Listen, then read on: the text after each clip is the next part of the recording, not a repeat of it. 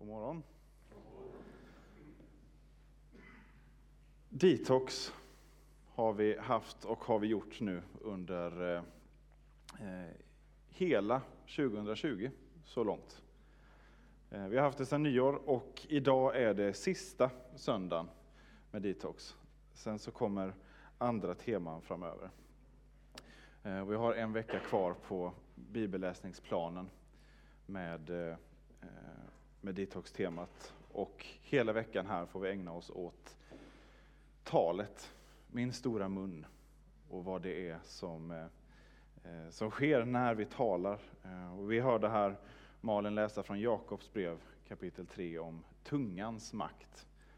Eh, hur den är som ett, ett roder som kan styra ett helt fartyg eller en betsel som kan styra en häst men den är väldigt svår att kontrollera. Jag vet inte om det är eh, någon här inne som eh, har ångrat något man har sagt någon gång. Är det någon? Ja. Då är vi i gott sällskap, eller så är vi i dåligt sällskap, jag vet inte. Tungan eh, slinter ju eh, ibland. Och eh, ibland så slinter inte tungan. Utan eh, det är genomtänkt, men det är kanske så att konsekvenstänket sviktar lite istället. Och så, eh, så är vi där, att vi har sagt någonting som vi sen i efterhand av egen insikt eller eh, gudomlig vishet som skänks oss, eller för att någon helt enkelt kommer och säger till oss hur det landade. Och så får vi ett, ett kanske ett litet styng i hjärtat och inser att det där var inte bra. Eh, känner ni till Johan Glans? Mm. Eh, han eh, finns med bland annat i ett tv-program som heter Tror du jag ljuger? Och en av grejerna de skulle gissa på där om han brukar göra eller inte var om han, när han kommer tänka på något pinsamt han har sagt, om han då börjar sjunga lite. Och det var sant. När Johan Glans tänker på något pinsamt han har sagt någon gång tidigare så börjar han sjunga lite. Det slog mig att det gör jag också ibland faktiskt. Eh, så eh, det här vi säger, det kan få oanade konsekvenser. Helt plötsligt kan jag börja sjunga lite där hemma. Eh, när jag kommer att tänka på, just det, och det var inte så bra. Och så har man också fått en liten, en liten solosång där hemma. Vår tid och hur vi använder vårt tal är kanske mer komplex än, än någonsin. Det vi säger Eh, Eh, riskerar att inte bara landa där vi säger det, utan eh, ganska långt, långt bortom vår kontroll, vår, eh, vår förmåga. Och det är lite dubbelt i vår tid. Å ena sidan så är det som att många känner att man kan nästan inte säga någonting längre utan att någon blir kränkt eller att någon blir upprörd. Och vi har eh, rörelser av studenter på universitet som försöker förhindra föreläsare bara för att de inte tycker om det som sägs. Eh, man blir upprörd av det, man vill slippa höra det. Och så å andra sidan så eh, är det som att i vår tid kan man nästan komma undan med vad som helst. Som man säger. Med en, eh, en ursäkt, man kan pudla, jag skämtade bara, eller ja, om, om någon har blivit upprörd så, så får jag be om ursäkt då och så eh, är det världen. Så det är, eh, det är dubbelt och eh, är det dessutom någon som har spelat in det och lägger upp det på nätet så är det, kan det vara spritt hur långt som helst. Så om vårt tal och vad vi säger har fått konsekvenser i alla tider, små som stora, så är det minst lika mycket så också idag, om inte ännu mer. Så om Jakob, en av apostlarna, kände till tungans makt och vilka konsekvenser den kan få, så, så ser vi det mer än någonsin i vårt informationssamhälle idag. Och vad är det som är så speciellt med ord? Ord har makt. Ord har makt. Jag tror inte att det är någon slump. Vi tror på en Gud som har skapat världen, och hur skapar han den här världen? Genom ord. Gud talar och så blir det till. Och vi är skapade till Guds avbilder. Och då är det kanske inte så konstigt att också vi som, eh, som verbala varelser, som använder talet för kommunikation, också kan påverka varandra och omgivningen så otroligt mycket bara genom det vi säger. Några få ord kan få konsekvenser för en, en människas liv. Och kan vara också starten på en helt, helt ny generation. Vill du gå på dejt med mig? Några enkla ord som kan leda till en ny familj, en ny släkt. Någon blir eh, president och som har påverkat eh, en, en hel värld. Bara för att några, någon vågade fråga om man skulle gå på dejt en gång i tiden. Det är vad ord kan leda till. Eller om eh, någon eh, håller ett, eh, ett politiskt brandtal i en lokal någonstans. Någon annan hör det och blir engagerad, startar sedan en rörelse som kanske kullkastar en, en hel regim. Eller blir upphov till en diktatur. Ord kan bära, men ord kan också söndra. Något otroligt. Ord kan också avsluta en relation och förstöra den. Och gång på gång ser vi vad synden är just i hur vi använder våra ord, hur människan använder talet. Det är så otroligt kraftfullt. Och det är ingen slump att diktaturer av den anledningen försöker begränsa Eh, det fria talet. Och det är inte heller någon slump att demokratier försvarar talet med yttrandefrihet. Det är så grundläggande för oss människor. Det är så grundläggande för hur vi formar vår omgivning och hur vi också formas själva. Och när Kristus kommer, när Gud blir människa, hur beskrivs det? Jo, att ordet blir kött. Jesus själv beskrivs som det levande ordet. Gud som har skapat världen genom sitt ord räddar också världen genom sitt ord. Och inte bara det talade ordet, utan att Guds ord blir kött, inkarneras, förkroppsligas hos oss. Och drar oss och kallar oss till sig Eh, och vill också forma oss eh, i hans efterföljd, i hans likhet. Han som själv är sanningen. Sanningen som ska, kan göra oss fria. Hos honom finns inget svek, ingen falskhet, ingen lögn, utan bara sanna ord som skapar på nytt och som ger frihet och frid. Och när han kallar oss till sig så skulle det vara en enkel lösning om han bad oss sluta prata. Det kanske skulle råda bot på en, en del av eh, problemen, men han vill att vi använder vår tunga. Eh, så som Jakob eh, beskriver tungan så blir man nästan sugen på att vara tyst. För så farlig verkar den ju vara. Men det är tungan när den är kontrollerad av synden. Men vi kan som Jesu lärjungar få vara formade av honom. Och få låta honom och hans ord istället för vår egna ord, vår egen agenda, få verka i oss och få, eh, få tala till människor. Därför att ord är helt avgörande. Också för vår uppgift som lärjungar. Så hur vi använder våra ord behöver vi vara varsamma med. Det är avgörande att vi använder orden när vi kan. Att vi kan tala in i människors liv när, eh, när Gud uppmanar oss till det. Att vi kan få stå upp för det som är sant och rätt, rättfärdigt.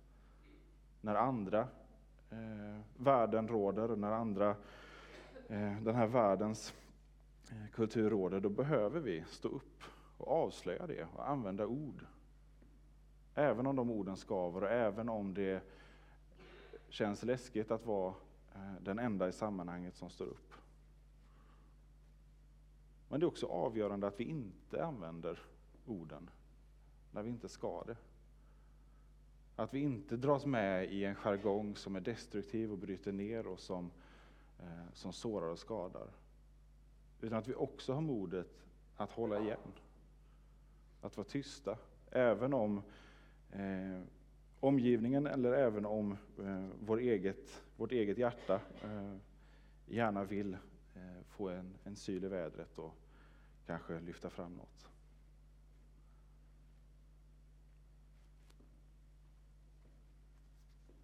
Låt oss få använda våra ord så att det blir Kristuslikt. Och inte så som det så många gånger blir för, Eh, för oss människor. Och bara för att vrida om kniven lite till eh, så tänker vi ska läsa från eh, Ordspråksboken och få ett exempel på vad som är från Ordspråksboken kapitel 26 och vers 20, en bit framåt. När veden är slut slocknar elden, när baktalaren gått dör grälet ut. Kol för glöden, ved för elden och en grälmakare för att striden ska flamma. Baktalarens ord är som läckerheter, de slinker ner i människans inre. Den som gräver en grop faller själv där i. den som vältrar upp en sten får den över sig. Baktalarens ord, jag var på väg att läsa buktalarens, men baktalarens ord är som läckerheter, de slinker ner i människans inre. Det finns någonting, det finns ju någonting gött ändå med skvaller. Och eh, när eh, man pratar bakom ryggen eh, på någon. Är det någon som någon gång har varit inne i ett genomsnittligt svenskt fikarum? på en arbetsplats så, så utgår jag från att ni vet vad skvaller är. Och eh, man pratar om någon som eh, har ett litet konstigt sätt att eh, jobba kanske. Och så kommer den personen in och då pratar man inte om det längre, utan då pratar man om något annat. Och sen går en tredje person ut och då är det läge att prata om hur den personen eh, mikrar sin frukost eller vad det nu kan vara, lunchrummet.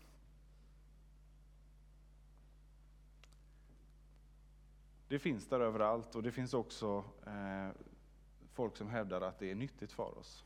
Vi måste skvallra. Vi måste eh, prata bakom ryggen på våra kollegor.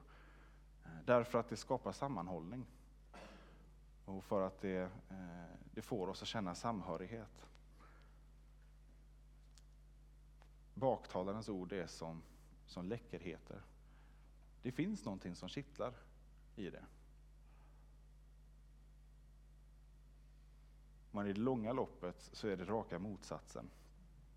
Det är någonting som, som bryter ner eh, och som i fikarumssituationen såklart skapar osäkerheten när jag går ut. När jag precis har snackat eh, om någon annan. Vad sägs om mig?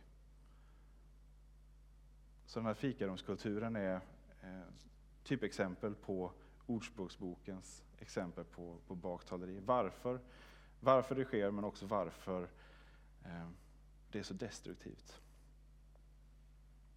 Jag tror att i Sverige så är vi kanske, jag vet inte om vi är mer benägna till, till det här snacka bakom ryggen och skvaller. Eh, jag tror skvallerpress har vi i alla, eh, alla länder, men åtminstone lite brist på den här rättframma kommunikationen. Eh, både på, på, på det positiva, vi drar oss kanske lite för att uppmuntra Eh, Eh, och för att eh, säga något positivt direkt till någon. Eh, det säger vi kanske till någon annan, men så vågar vi inte göra det direkt. Eller när det handlar om konstruktiv kritik så är inte det heller någonting man gärna tar, utan vi, vi håller lite tillbaka. Också när vi borde använda de ord som bygger upp. Och sen så, de ord som bryter sönder, de tar vi bakom ryggen.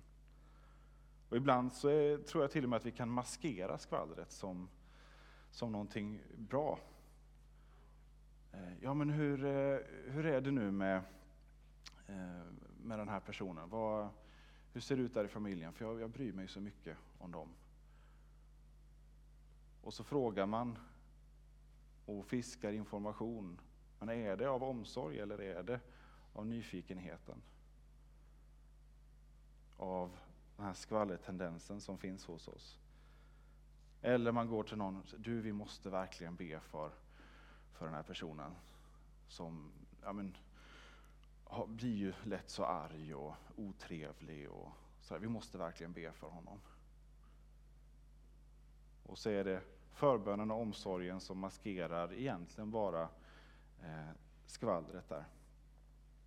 Det finns där i oss. Jag tror att vi behöver värna om våra ord mer än någonsin.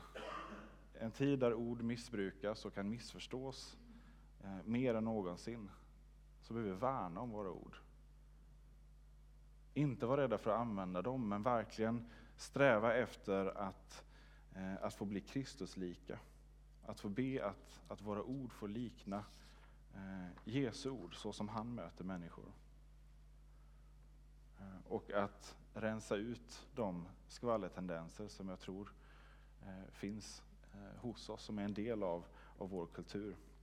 I min förberedelse så eh, jag brukar alltid, nästan alltid gå in på en hemsida som heter Desiring God, som är ett, ett nätverk i USA som har otroligt mycket bra undervisning. Så där brukar jag alltid kolla lite vad tema man har och så vad har de sagt om det. Och där fanns en, en artikel med en checklista för att undvika skvaller. Eh, och den tyckte jag var klockren, så jag tänkte jag skulle läsa den för er. Eh, och så kan man fundera på vad, eh, hur det funkar när jag pratar med andra om andra. För det första, om jag har en konflikt med någon, utgångspunkten. Om du har en konflikt med någon, berättar du för andra endast om den personens fel, men inte om dina? I så fall är det nog skvaller. För det andra, när du pratar med vänner om den andra personen, är det för att förbereda dig själv på att ta ett konstruktivt samtal med den som du berör. Om inte så är det nog skvaller. Om du söker råd hos andra för att, hur du ska hantera personen, låter du den personen vara anonym om det är möjligt? Om inte så är det nog skvaller. Njuter du av att dela informationen med dina vänner? ja, då är det nog skvaller. Vilken ton har din röst och ditt hjärta? Är du ödmjuk och sorgsen när du berättar om den andres fel? Eller känner du dig föraktfull och bättre i jämförelse? I så fall kan det nog vara skvaller. Talar du med Gud om den här personen lika mycket som med dina vänner? Ja, om inte, då är det nog fortfarande skvaller. Och försöker du begränsa antalet personer du berättar för? Ja, om inte, då är det nog skvaller.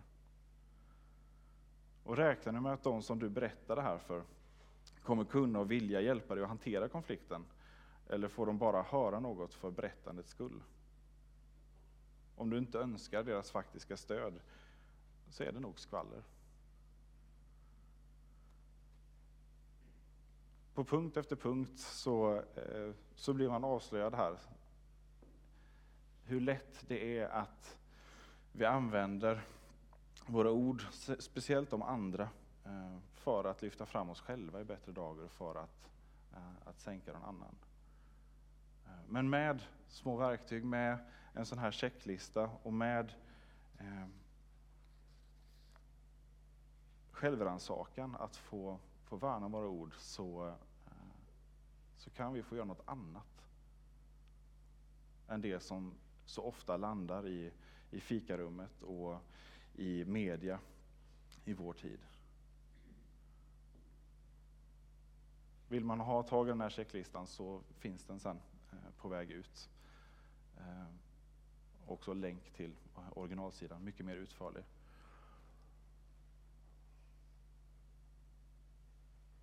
Om ord kan förändra, så låt oss få använda ord som inte är för vår egen skull och som inte är för, eh, för den här världens skull. Utan låt oss få använda ord som, som är för Kristus. Missionsbefallningen som vi har handlar om att gå ut och dela evangeliet. Det är ord om Guds kärlek, om Guds upprättelse. Och en kallelse, en inbjudan till varje människa som vi har runt omkring oss.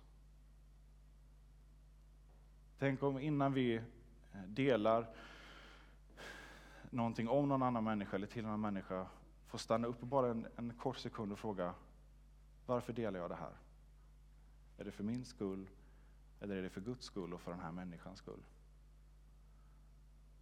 Och så får vi låta ordet själv, Jesus själv, få vara vår biktspegel i det. Vad skulle Jesus ha gjort? Vad skulle Jesus ha sagt? Hur skulle Jesus ha sagt det till den här människan?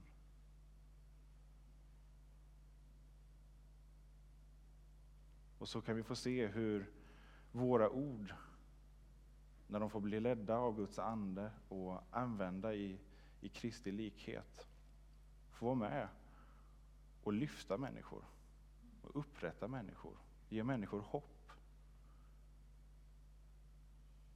Och jag tror det är dyrbart i vår tid. Människor behöver hopp. Vi kan ge dem hopp, inte för att vi själva eh, håller och räcker till, men därför att Kristus håller att stå på. Det finns hopp. Och hoppfulla ord är någonting som vår tid behöver mer än någonsin. Så tänk om vi bara kunde få lägga bakom oss eh, skvaller och baktaleri och det som kan vara sött och läckert, men som vi ser är dåligt. Och få ägna oss åt det som, som vi kallar det till. Att få sprida evangeliet de goda nyheterna om Kristus som har dött och uppstått för den här världen. Ett evangelium som vi behöver mer än någonsin. Och när vi kommer till de tillfällena då vi måste sjunga en liten trudelutt för att vi kommer att tänka på något som blir fel. Också få vara frimodiga och lägga ner det inför det levande ordet själv, inför Jesus. Och be om förlåtelse och lita på att han förlåter och upprättar. Så att vi kan söka försoning, inte bara med honom utan också med de människor som vi behöver. Vi ska alldeles strax få fira nattvard och där får vi höra orden som sägs till oss. Kristi kropp, Kristi blod för dig. Det är ett löfte att stå på, ord som ger hopp. Att Kristus har gjort allt. Och tar vi emot det som han har gjort och det som han vill ge oss, då är det allt vad vi någonsin behöver. Och också ge vidare till de människor som vi har runt omkring oss. Hopp om en annan tillvaro, hopp om andra ord än de som brusar omkring oss just nu. Hopp om sanning, om rättfärdighet, om upprättelse.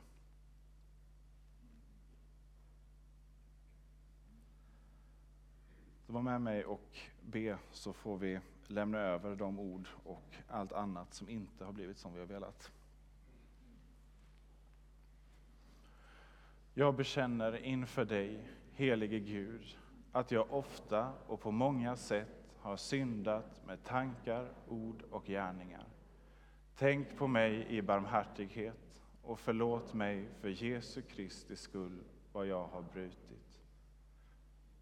Herre, hör nu varje hjärtas tysta bekännelse.